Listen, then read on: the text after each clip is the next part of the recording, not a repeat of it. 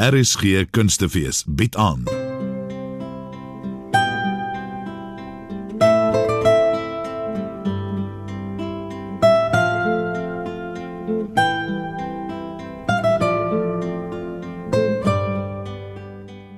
RSG Kunstefees bied aan My Mense, saamgestel deur Juanita Swanepoel uitwerke van Dot Serfontein.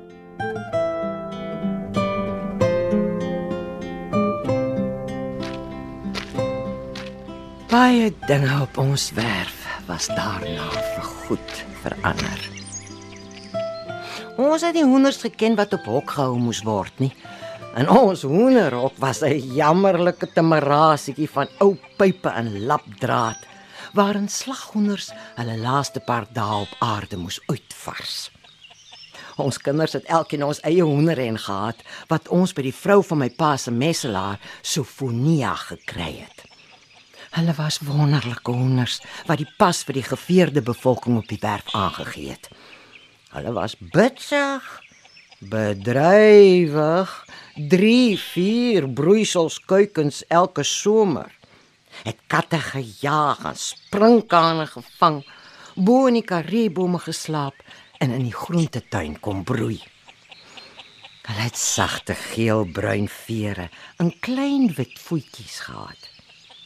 As hulle eindelik oud en verdagend sat geslag word, het hulle dood net so van selfsprekend aanvaar as die mielies uit die seepsoda blik op die vensterbank.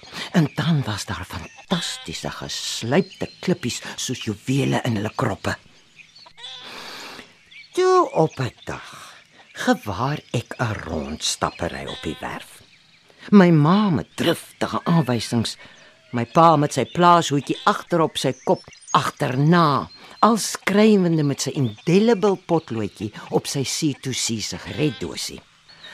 Daar word bloekompale gekap, klippe gebring en daar verrys in die een hoek van die werf 'n reusagtige groot kamp met 6 voet hoë sifdraad omheen en netjiese bouwerke binne. Toe ek dat my ma 100 stoethoenders van die bankbestuurder meneer Bartel Brink gekry het en dat sy nou moet hoenders gaan boer. Eislike pik swart henne en statige hane met hulle swaar rooi belle en blou swart glansvere, gestamboek gering en geënt. Weg is die seep so dan blik, want Bartel Brinkhoender se kos word soos koekdeeg van 'n geskrewe resep af vermeng en op rantsoen uitgedeel. Hoe dink ons sal hoenders ooit harde dop eiers lê as daar nie skulpgruis in hulle bakke en kalk in hulle drinkwater kom nie? En hoe gaan hulle staande bly teen wandluise en hoendermeid as hulle hokke nie met dode bosse en 'n flitspuit ontsmet word nie? Snags word die hok met 'n slot gesluit en soggens soos die kombuis met 'n besem uitgevee. En toe hoor ek vir die eerste keer in my lewe dat daar dosyne soorte hoenders is. Rhode Island Red, Plymouth Rock, Leghorn, New Sussex en Light Sussex, Orpington en Buff Orpington en Australorp. En dat die werfhoendertjies wat ek my lewe lank ken, glad nie 'n soort is nie. Ja, later aan werk ons werfhoenders toe baie op my ma se senuwees. Sy kla oor hulle onsinderlike blertse voor die agterdeur. Hulle ongesonde misvreetery by die kraal. En veral hulle slegte gewoonte om saans op die nuwe hoenderhok se boonste draadrand in sy hoekpale te gaan sit en slaap. Sy het onverantwoordelik onder hulle begin slag en ek moes hand en tand vir die lewe van potjie rol, my eie hoender en veg. Ek kon flou word die oggend toe die dwaas ding ewe ongeërg hier aangestap kom met 'n groot broeisel swart kuikens. Onmiskenbare bewys dat sy onbehoorlik met die groot aristokrate omgegaan het. Ha, gelukkig het jy dit haar lewe gered. Want my ma het toe reeds 'n paar terugslaa met die Bartel Brinks. Mm, hulle was nie lief om hulle kuikens uit te broei nie. En Potjie Rol het daarna geslagte en geslagte Bartelbrinks vir ons moes uitbroei. Ja. Soos dit al met baie edelhoenderboerderye die geval was, het my ma se ook eintlik gekwyn. En middelmatigheid is op ons afgedwing. Die Bartelbrinks het buite begin loop en geleer om bo in die takke van die karibome te slaap. Die ashondertjies het op hulle beurt gek geraak na skulpgruis en die groentetuin vir die opgemesselde neste verruil. Maar jare daarna sou my ma nog die aansprake van hoendergees driftiges met 'n ver af middelwaardige uitdrukking op haar gesig aanhoor. En dan weet ons sy dink oor hoe ver dit alles te kort skiet by haar eie goue eeu met die Bartelbrinkhoenders.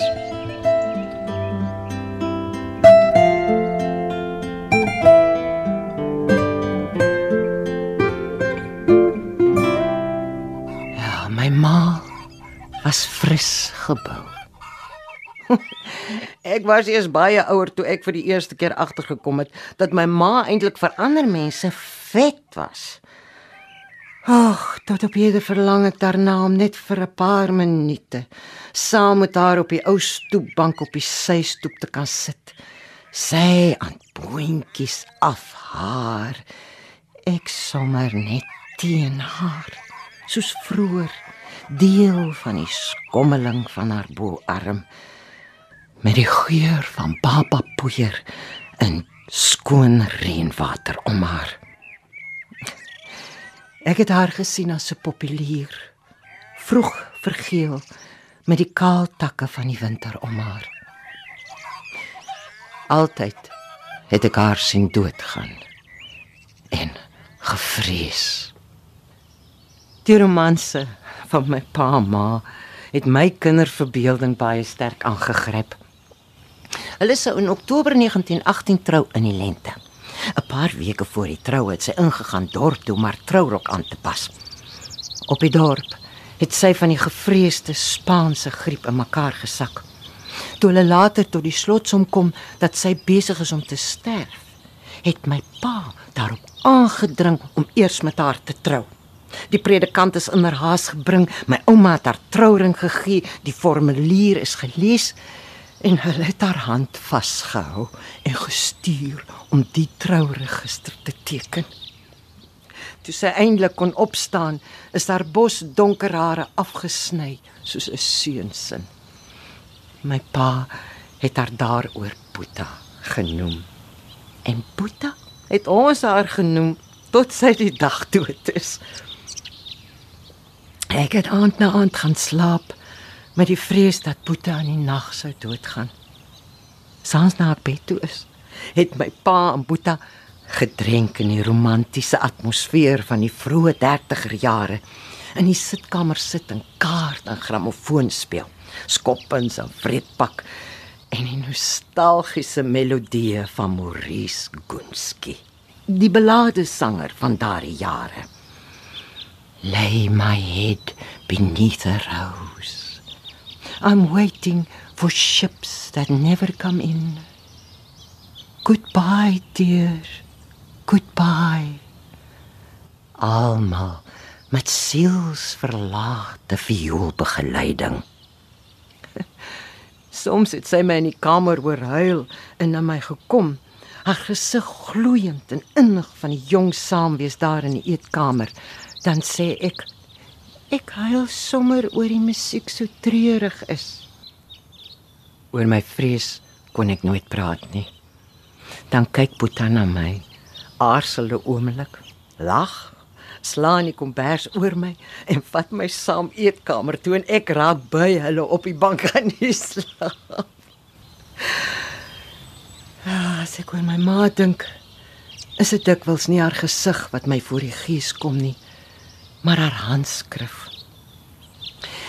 Dit was die dae toe die perspotlood groot intellektuele aansien geniet het. En oral tussen die reëls van haar resepteboek het sy stukkies lewenswysheid, gewoonlik in Engels, in perspotlood neergeskryf. Tussen die bestanddele van 'n laagkoekdeur sou die vermaning staan. Take away the idea of perfection and you take away enthusiasm. Of Bergemmerbier resep. The only way to have a friend is to be one. Toe ek getroud is, het haar handskrif soos 'n fyn silwer rugsnoer onopvallend deur my bedrywighede gevleg. Sy het my van haar ou resepteboeke met hulle aanhalinge uit Keats en Milton present gegee. Uit hulle het ek geleer beskuit bak en biltongsout, maar in hulle ook gelees dat pyn geen grense ken nie. By die geboorte van elke kind was haar ruiker die eerste daar met sy kort boodskapie vir die enetjie met haar oupa se oë vir die lente koninginnetjie vir die slim voorkoppie vir oupa se billetjie toe my laaste kind gebore is het ek sy gladde koppie nat gehuil omdat hy die enigste was wat sonder die seënbede van die rustige sekure handskrif die lewe ingestuur word aan elkeen wat sy liefgehad het het sy haarself onvoorwaardelik verloor. En elkeen van ons kon soveel as ons van haar nodig gehad het, met ons saamneem die lewe in.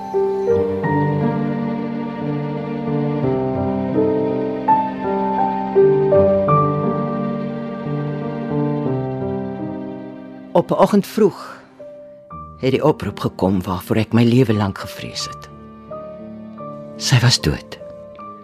Ek het haar op die bed gekry, rustig agteroor met 'n trek van van selfsprekende kalmte op haar gesig. Was dit die dood wat ek soveel jare gevrees het? As sy met haar lewe vir my die uitnemendheid van die liefde bewys het, dan het sy in haar dood getoon dat daar in sterwe geen angel is en in die dood geen vrees vir hulle wat so sy geleef het nie.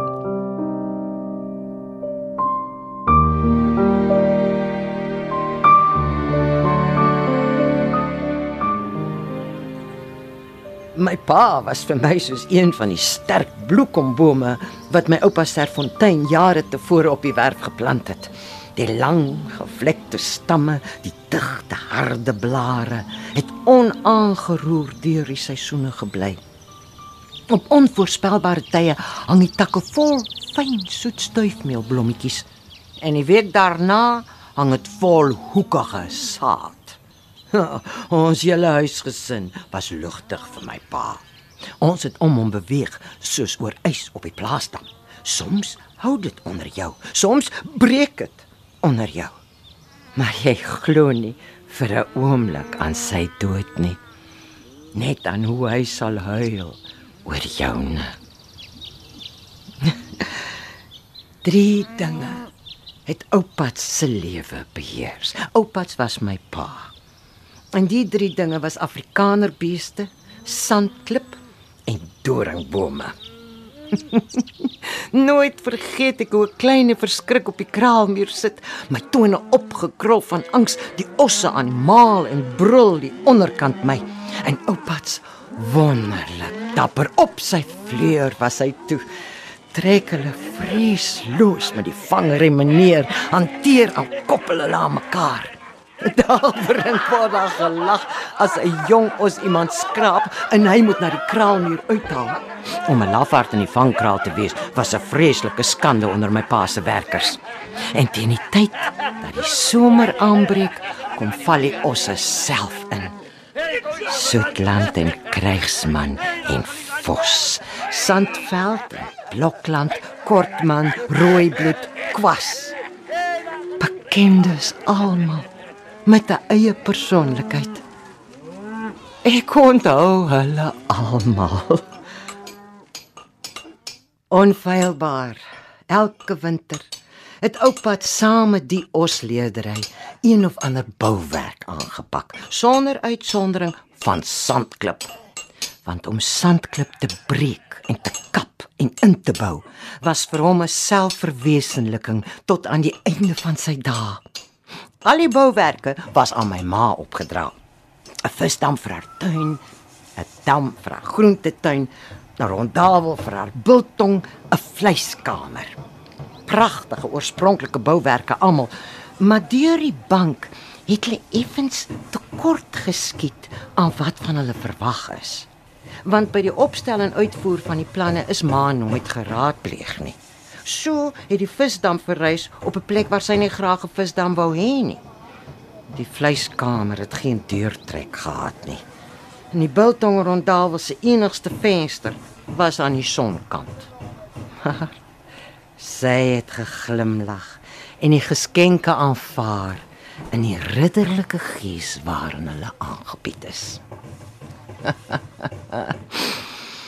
Baie dae as ek onder die pieperige straaltjie van moderne stortbaddens staan, dink ek met heimwee terug aan die wonderlike stortbad wat my pa vir ons gebou het. Soos alle bouerye wat hy onderneem het, was die badkamer so ongewoon en dramaties dat jy die gepaardgaande ongeriewe nooit agtergekom het nie. Die badkamer het hy buite die huis gebou, so 50 tree van die systoep op die geaardheid van 'n hedendaagse silo. Goed 'n 15 voet hoog. Die boonste gedeelte was dan 'n reservoir waarin die windpomp sy water gegooi het. Die badkamer was onderin met al die badkamerpype in die vloer van die reservoir ingebou. Ha, was daar nou vir jou waterdruk? As jy 'n kraan oopmaak, moes jy met twee hande vasvat om hom weer toe te kry. En die stortbad het met so geweld gespuit dat dit jou omtrent teen die grond neergeval het. As jy 'n stortbad geneem het, was jy ure daarna nog op en wakker. My pa het ook 'n reuse sementbad in die badkamer gebou, op die styl van die Romeinse badkamers. Sy tyd ver vooruit. En toe besluit hy om vir ons 'n waterkleinhuisie in die badkamer in te bou. Destyds was dit by ons ter plaatse nog 'n hele nuwigheid. Selfs die dorp was nog doodgelukkig met sy vertroude ou nagkarre muile. Met groot moeite het my pa die aanwysings vir 'n rottingstank bekom en die benodighede is uit die Kaap bestel. Nou was my pa 'n man wat in dinge die beginsel gesoek het en nooit onnodig op besonderhede ingegaan het nie. Daarom het hy op die sketsplan allerlei dingetjies wat hy as onnodig beskou het, doodgetrek. Hierdie French dream besigheid is onnodig. Ek maak die tank net twee keer so groot as wat hulle hier sê. Maar dit sal nie so werk nie. sê my ma. Nie dat sy iets daarvan geweet het nie, maar sy was weer een van die mense wat met groot pietyd omgesien het na besonderhede wat ander te gering geag het. My pa het hom nie aan haar gesteur nie. Hy het alles baie netjies in eie hande gebou. Hy het 'n ware Danielskuil met dinamiet uitgeskiet.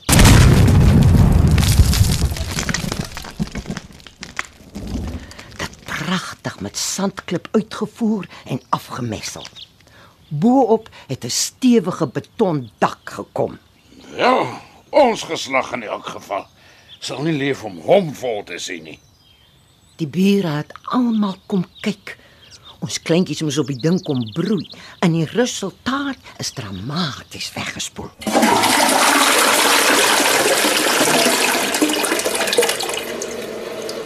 Kardouse, vierhoekie dose, al wat voorkom is ingegooi om die sterkte van die spoeling te takseer.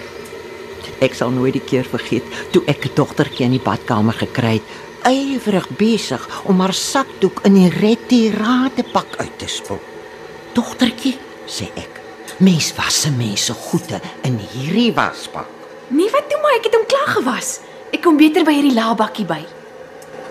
My ma was die eerste om te merk dat alles nie pluis is met die rottingstenk nie. Sy het niks vir my pa gesê nie. Net naarstiglik begin rantsoneer aan ons. Moenie verniet afdruk nie en indien moontlik gaan agter die hout oop sit. Maar eindelik het die waarheid tog uitgelek. Die eislike rottingstank is ten spyte van alle voorsorgmaatreëls heeltemal vol. Ek sal nooit vergeet hoe my pa die oggend aan ontbyttafel sy leë bord terugskuif, sy blou oë yskoud oor ons laat speel en sê: Ek sien julle het hom vol. 'n Klein huisie se tank. asof ons met voorbedagte rade en uit suiwer uitspattigheid die ding volgemaak het. Deskundige hulp is ingeroep en die uitspraak was bondig. Die val is te groot, daarom verstop hy. En die French drain of stapelriool moes ingewees het. Toe my pa en ma as bejaardes oorgetrek het na my ma se familieplaas Middenspruit, het hy daar ook spoelriolering aangebring. Weer sonder stapelriool. Ons het hom taktvol op die versuim gewys. Kyk, uh, die slag is dit net ouma en ek. Ons gaan nie soos julle van lewe bonus aan bonus papiere daarin dryf nie. Hy sal ons twee deur sien. Die wat na ons kom, kan hulle eie gate graaf. Weer is die vernedering hom nie gespaar nie. En moes hy beleef dat die put vol raak. Ek onthou nog hoe vir onreg my ma by my kom kla het. Nou sê jou pa dis my skuld. In die tussentyd het hy nog nooit in sy lewe iets van masjinerie verstaan nie. Ja, waar oupa's was, het dinge altyd gebeur. Maar die uitkuil van die sandklip was 'n belewenis. Hoekom reik dit soos doringbome? het ek oupa's op 'n keer gevra. Omdat daar doringboombwortels naby is. Klip is poreus. Suig die sap van die wortels saam met die water om hom in. Sandklip suig dinge om hom in. Toe hulle jare later my ouma Serfontein se sandkliphuis op die dorp sloop, het ek en Willem die klippe gekoop en 'n woonkamer daarmee gebou. Ek weet dat hulle die gelag van ons kinders, die drome en ideale, die wel en wee van ons huisgesin opgesuig het en diep in hulle grinterige klam harte bewaar het. Is goed om dit te onthou. My pa se laaste sandklipmeesterstuk het hy 3 jaar voor sy dood gemaak. Grafte vir hom en my ma, uitgekap in die sandklip van die familiekerkhof. Baie rustig het hy op 'n veldstoeltjie die hele werksaamheid gelei.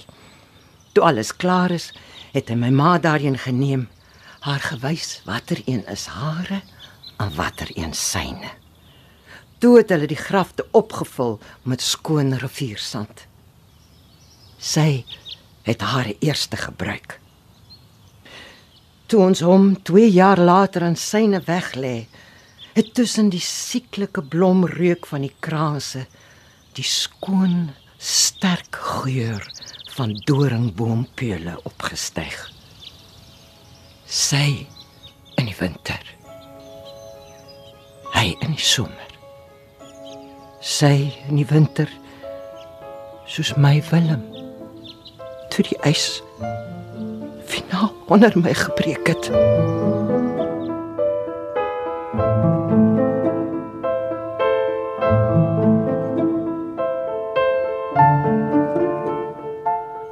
Oase in my jong dae was die ou Serfontein familieplaas Bossiespruit.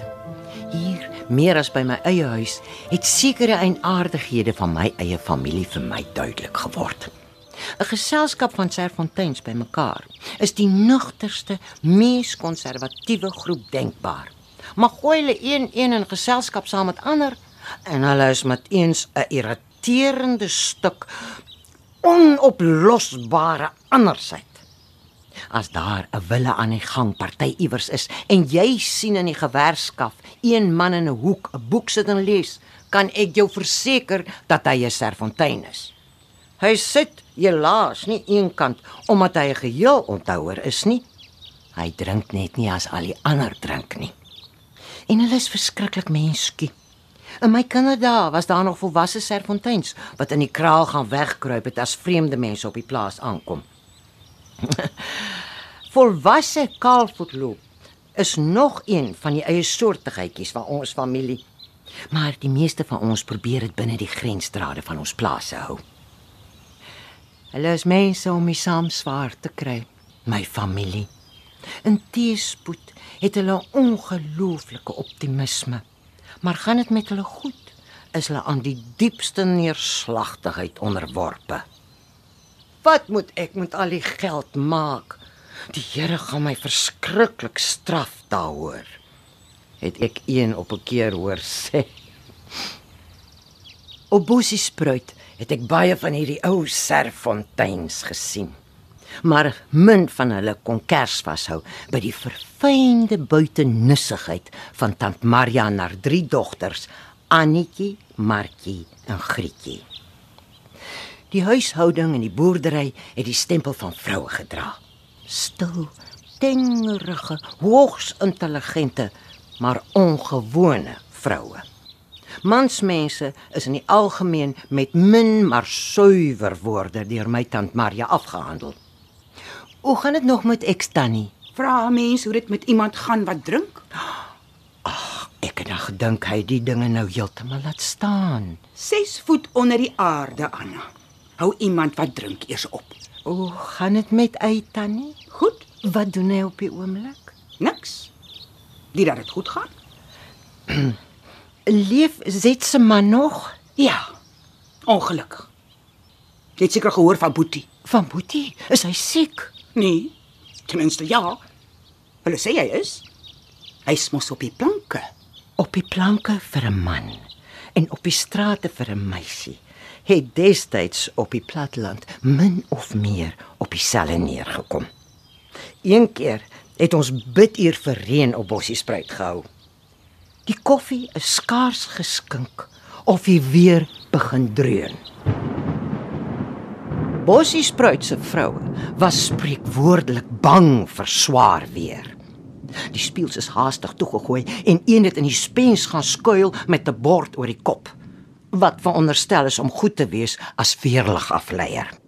Maar tant Maria het vreesloos uitgestap na die agterste stoep waar die hele geweld van die komende storm afspeel. Sy het haar hande oor haar bors gevou. Die helder trane het oor haar wange begin loop en sy het die gevleelde woorde geprewel. Ons het gevra, Heer. Maar nie so nie. Nie so nie. Ek weet dit slegte smaak om met 'n mens se familie en jou voorgeslagte te koop te loop. Maar dit is en bly vir my 'n trots aan my lewe. As ek aan enigiemand wat belangstel kan vertel dat ek 'n agterkleindogter van Sannie van der Hoeven van Winburg is. En as so 'n mens dan sê, Tog is Sannie van der Hoeven van Leeukuilwinburg nie. en ek kan dit beamoen, dan weet ek dat ek in haar dink geplaas is in 'n kategorie van Afrikaner adel waar ek nooit op eie wieke sou gekom het nie. Die Here het rede gehad om haar 101 jaar oud te laat word. Sy het alleen in die groot ou huis op Leeukuil gewoon en hom vol geleef. Daar was altyd mense. Wat sy besit het, het sy met ander gedeel. Liefde, meegevoel, raad, wildspultong. Op 'n keer, toe ek nog 'n jong meisie was, het ek 'n vriendin saam met my leeukuil toe geneem. Ouma Grootjie was toe so 96. En na sy ons gegroet en my vriendin so 'n bietjie deur gekyk het, sê sy met 'n vonkeling in haar oë: Toe ek so oud soos jy was, kind, het ek net so vinnig geloop en my ook so effentjies geswaai. Jong kerels hou daarvan, oei. Sy het toe sy 80 word haar heup gebreek. Die kleinkinders het bekommerd reëlings begin tref vir haar verdere invalide bestaan, maar sy het net 14 dae in die bed bly lê. En dit was die einde van die gebreekte heup wat haar betref. Sy het van toe af tot aan die einde van haar lewe agter aan 'n stoelleuning vasgehou, die stoel voor haar uitgeskuif en agterna gehink. Nie mooi saamgehink nie, maar met verbuisterende spoed tussen eetkamer en kombuis op 'n skewe galoppie beweeg. Haar werk net soos gewoonlik gedoen. En drie stinkhoutstoele opgeloop tot dig teen hulle matte. Die enigste van haar kinders wat haar oorleef het, was haar jongste dogter, 'n weduwee van diep in die 70. En sy sou jou vertel, Hester hier is my baby. Sy dra kos haar oorlede man se onderbroeke snags in die winter onder haar naghemp. Sy sê sy kry koud. Koostron was die beste man wat 'n vrou ooit kon hê, sê Tante Esther. Ja, Koostron was 'n goeie man, ja. Ja, nee, hy was 'n goeie man. En toe ons jonk was, het ons fietjie sy naghemde gedra met Fransisker kant gebardeer. Maar koud het ons nie gekry nie. Wat my herinner aan my tante Letty, wat my kastig as voorbeeld genoem het wanneer die ouer dogter stilletjies die nuwerwetse penties dra. Kyk, Dottie sal eendag baie kerels kry. Sy dra nog ordentlike bloemers. Die seuns weet sy is 'n goeie meisie. Goodness me, wat 'n logika. Voor ek kon leer penties dra, het stertrieme ingeskop. So ek kon nooit hotstaf word met kerels nie.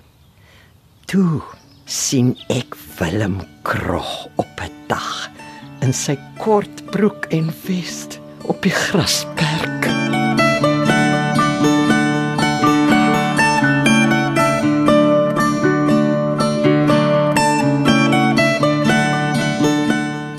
Pa het ook van Willem gehou. 'n Ordentlike, sterk geboude Afrikaner boerseun. Willem kom een naweek asval by my aan. Hy was by sy familie op Senekal. Jong my ma het so geneel toe vertel ek vir haar van ons ek hoop jy gee om nie. Wat sê sy? Vra ek. Sy wil weet wat sê jou ouers hiervan. Toe ek sê ek het hulle nog nie gevra nie, sê sy 'n ordentlike jong man gaan vra ouers as hy 'n ordentlike meisie wil trou. En ek sê toe: "Ja, veral aangesien jy nie voor die troue gaan weet of ek 'n ordentlike meisie is of nie." Die Sondagoggend sou Willem vroeg ry. Ons kom tot voor my pa se slaapkamer deur en ek maak die deur oop. Hulle lê nog albei in die bed. Ek, kan ek uh, sal sal oom ek, ek meen nou tannie wat tot betref uh, My ma stamp aan my pa. Koetjie trek aan jou skoene. My pa laat gly sy voete van die bed af, trek sy boetse aan en ry die riempies tydsaam in. nou ek het niks teen jou as persoon nie Willem. Trou met haar as jy wil. Maar die gek in die saak is sy wat wil trou, nou dat sy 'n blank skrywers toekoms voor haar het. en ek werk soos 'n slaaf tot laat nag om te bewys dat vryskut skryf en trou maar glad en geheel nie beteken jou toekoms is dan minder blink nie terwyl Willem met lang gape by my waak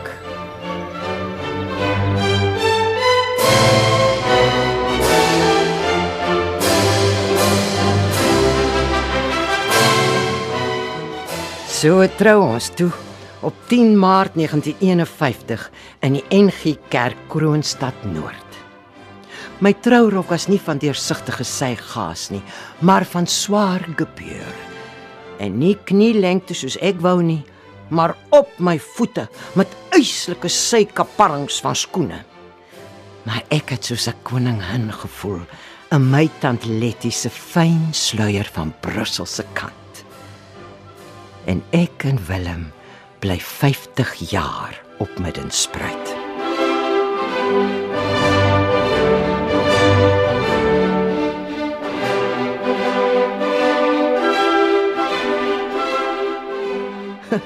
Gelukkig kon ons Middenspruiters met groot plesier 'n hele aantal probleme tussen die lakens oplos. En soos Langehoven dit stel, ons swaar kry met lekker kry, klaar kry. Vir die res kon ons met hoendereiers, Jersey beeste en mofskape net net die wol van die deur weghou.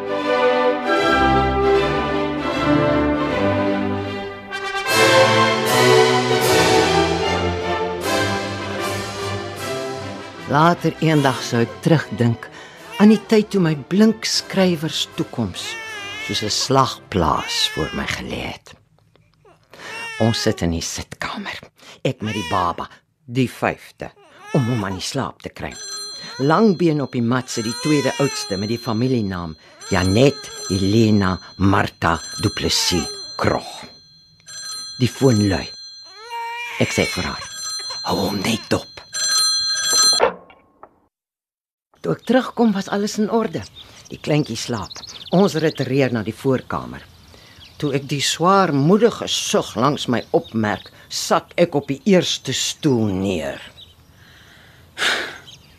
Ek wens ek was die enigste kind. Hoekom? Oor jy net aanhou en aanhou babies kry. Hou nou op en los my uit. Laat ek kan doen wat ek wil. Jy doen nie wat jy wil nie. Nee, ek doen wat jy wil. Boeties oppas. Ek het juis so baie kinders dat elkeen van julle kan doen wat julle wil. Solank julle dit as 'n voorreg beskou en nie as 'n reg nie. Dink jy dis 'n voorreg om hierdie baby se waghond te wees? Nee. 'n Plig dalk of hoe? Jy sal eendag beter daaroor kan fantasieer. My pa het ons vertel van sy jonger boetie as hulle wou gaan swem het. Ek weet jy het my vertel van die gat. Het jy jou boetie in 'n gat gegooi? Nee, Maar jy het daaroor gefantasieer. 'n mens moet alleen wees om te kan fantasieer. Maar dit maak jy vir jouself met groot moeite. Dis nie daar om aan ander dit vir jou laat gebeur nie.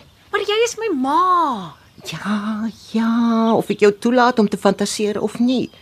Onthou net altyd, moenie fantasieer dat ek nie meer jou ma is nie. En ek sal ook nooit om watter redes ook al fantasieer dat jy nie my ou groot bek dogtertjie is met die baie moed en die klein hartjie en die handjies wat stukkende goed en dinge heel maak nie. Jy gooi my nie in 'n gat nie. Jy sit my nie in 'n weeshuis nie. Nee. Jou weeshuis is waar ek is. En my weeshuis het 5 kamers, een vir elke kind. En jy is lief vir pa. Ek is lief vir pa. Die oë verhelder. En ek weet pa is lief vir jou. Ja. En omdat sy dit sê, glo ek dit. Kinders se instink laat hulle veilig gly oor die dikte van enige ys. Triomferend na die dik melk van God se genade.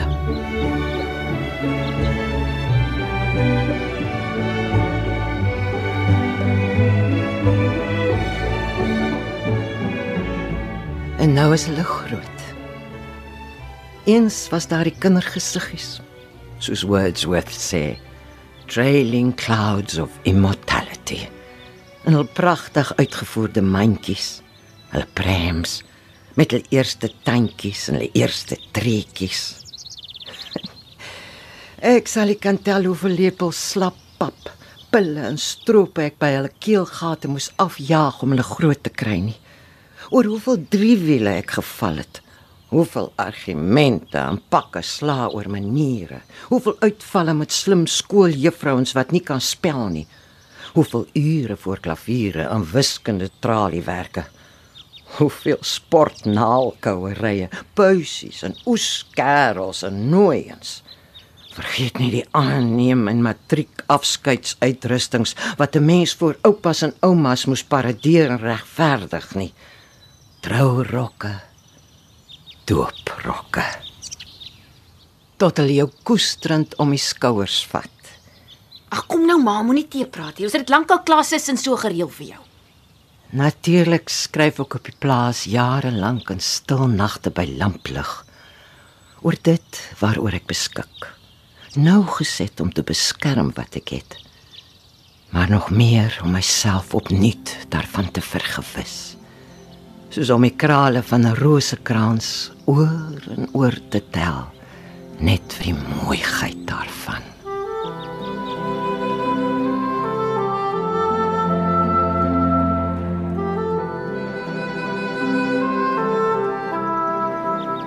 Dit was vir my en Willem 'n ongelooflike ryk voorreg en nog groter genade om na 50 jaar se saamleef nog soveel poëtiese bindkrag te kon hê om presies te kon onthou wie ons was en wat ons gedryf het om op 10 Maart 1951 voor die preekstoel te beloof om mekaar nooit te verlaat nie.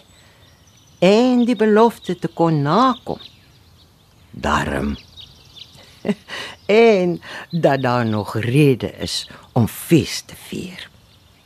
En ja, sonder 'n draadklere aan, lyk my vernoot toe nog steeds vir my soos 'n bankrot oliemagnaat van homeriese gestalte.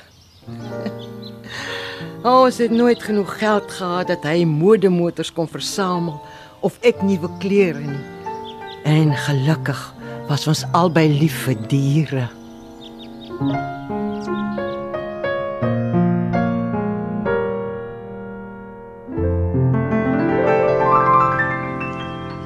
Dat hoenders ook my mense is, het ek eers na ons troue ontdek toe ek en Willem jonk en onervare op Middenspruit gaan boer het.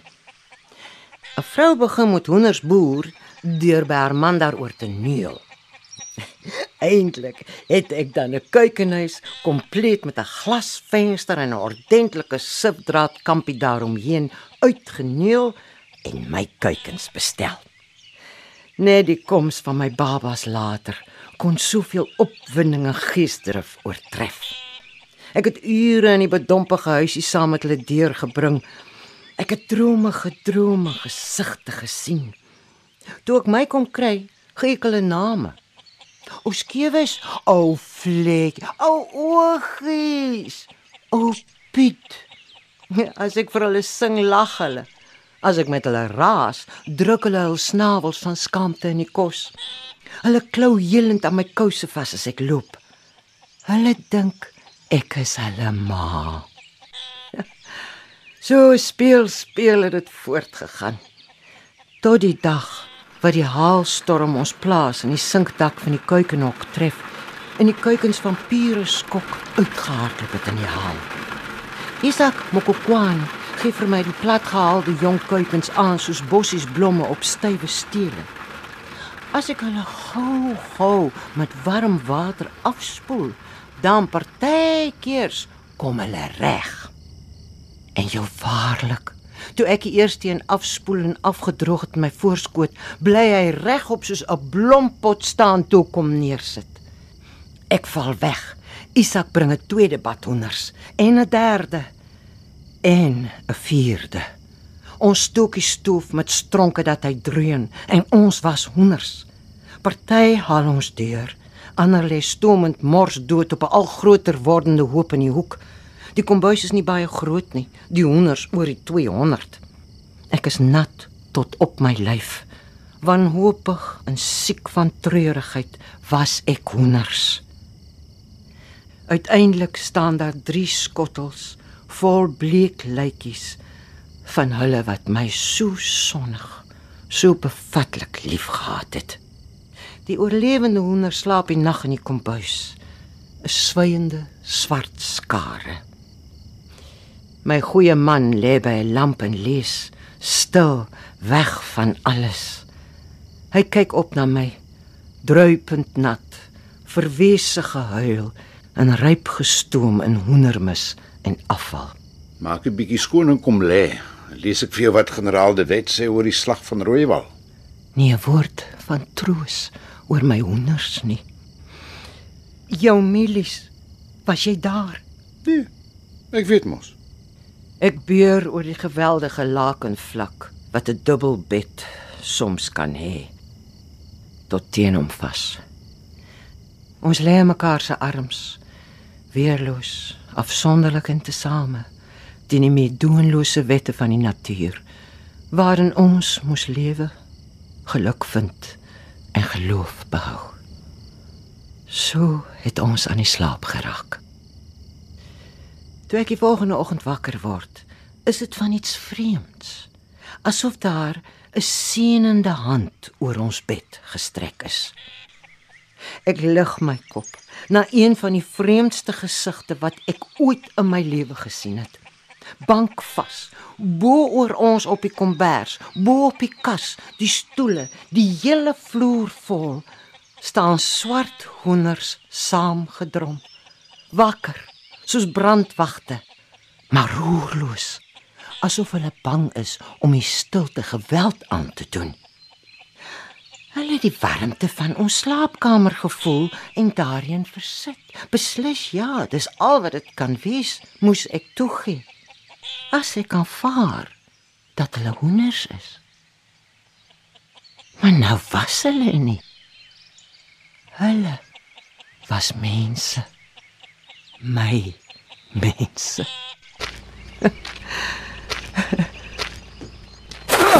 oh, oh, oh, oh. O mense, val soos boomstompe. En vat grond soos glasbekers.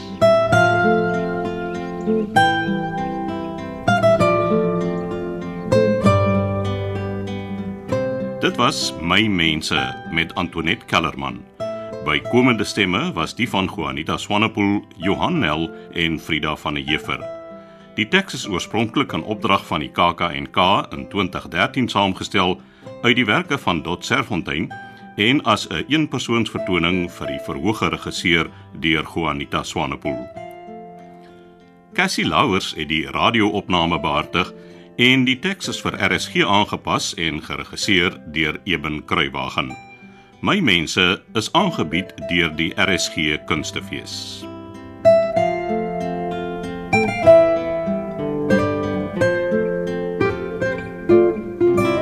Jy het geluister na 'n produksie geskep vir die RSG Kunstefees 2014.